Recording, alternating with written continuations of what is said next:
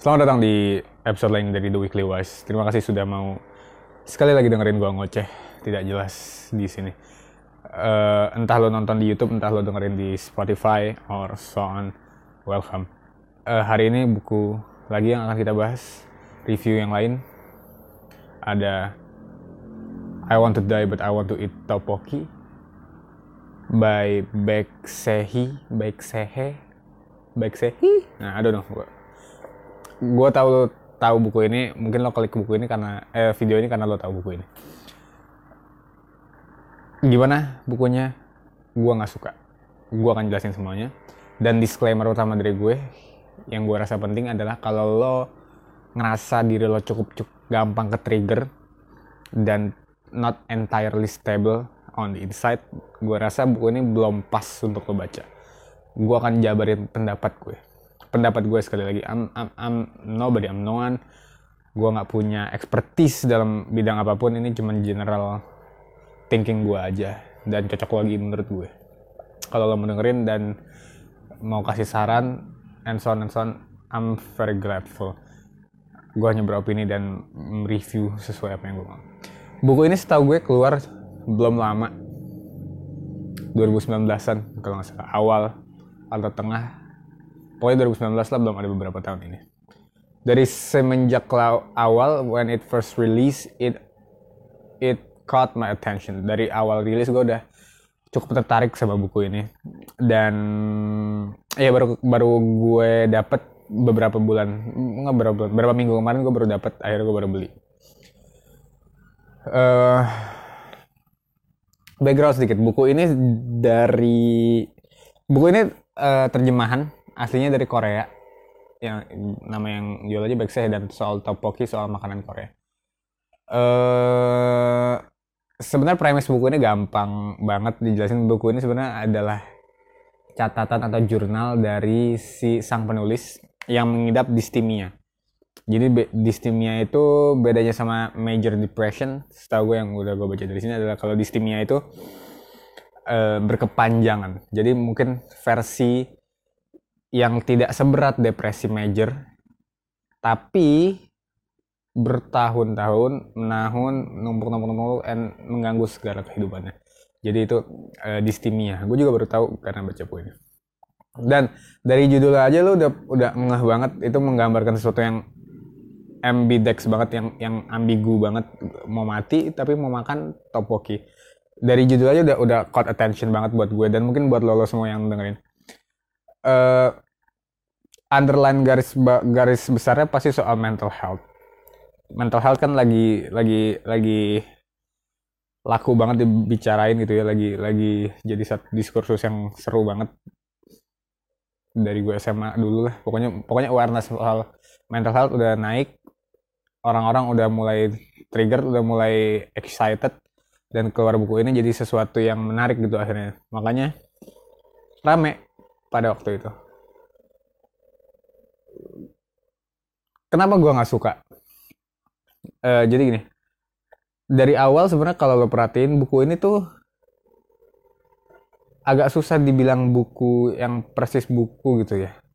Karena dari awal dibilang bahwa buku ini sebenarnya tuh esai atau gue melihatnya justru sebagai jurnal dari pengobatan si doi si baik sehi ini dalam pengobatan bulimia eh bulimia eh, distimianya.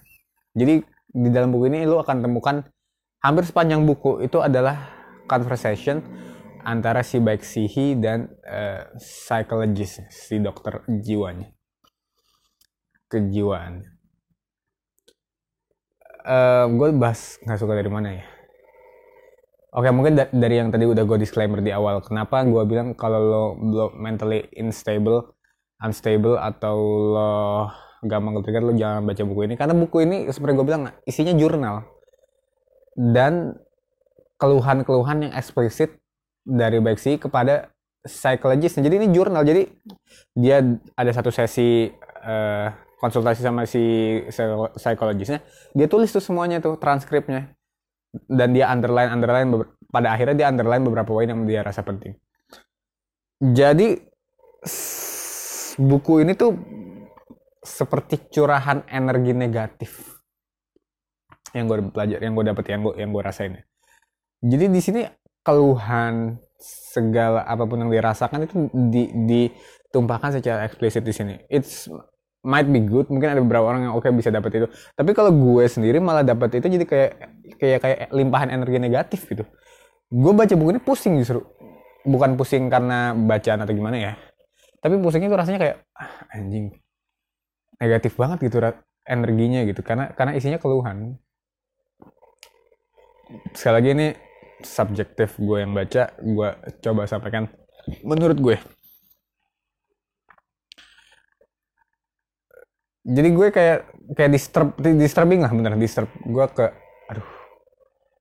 Jadi pusing beneran pusing. Jadi terus kayak uh, nervous lah gue baca buku ini tuh jadi kayak gimana ketularan energi negatifnya gitu. Karena memang di sini kita diajak untuk bener-bener nyalam ke kepalanya dia. Gimana ya? Jadi kita diajak untuk uh, see through her head tentang pengalaman distimianya secara berkepanjangan, keluhan-keluhannya, kita diajak untuk flashback ke masa dulunya dia, and so on and so on.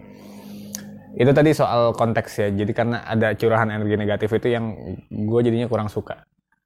Dan uh, kalau gue boleh jelasin lebih lanjut, mungkin curahan energi negatifnya ini keluhan-keluhan transkrip transkrip transkrip yang dia sampaikan psikologinya itu nggak disertai dengan penjelasan atau konklusi yang cukup untuk kita ambil maslahatnya gitu. Jadi oke, okay, dia punya case nih, dia punya keluhan bla bla bla bla panjang. Tapi penutupnya itu yang akhirnya mengkonklusikan itu semua tuh nggak nggak nggak nggak nggak nendang gitu. Jadi pada akhirnya cuma keluhan-keluhan keluhan-keluhan aja. Menurut gue tuh cukup disturbing. Kedua karena tadi cara presentasinya yang kebanyakan adalah transkrip itu ya. Dan dari awal si bahkan dokter Jimmy Ardian pun bilang di sini esai. Gue juga kurang paham ya kalau misalnya secara general, secara formal gitu, esai sama buku tuh ada kemiripan apa enggak gitu secara format. Tapi ini bukan sesuatu yang gampang dicerna lah, gitulah intinya buat gue.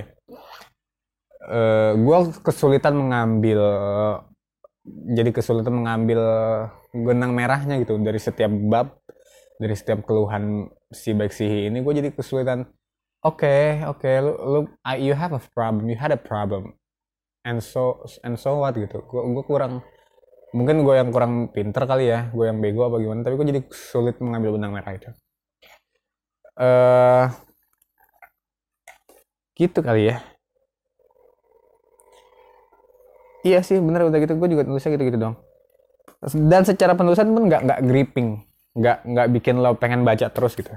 Jadi gue baca ini awal awalnya enak banget.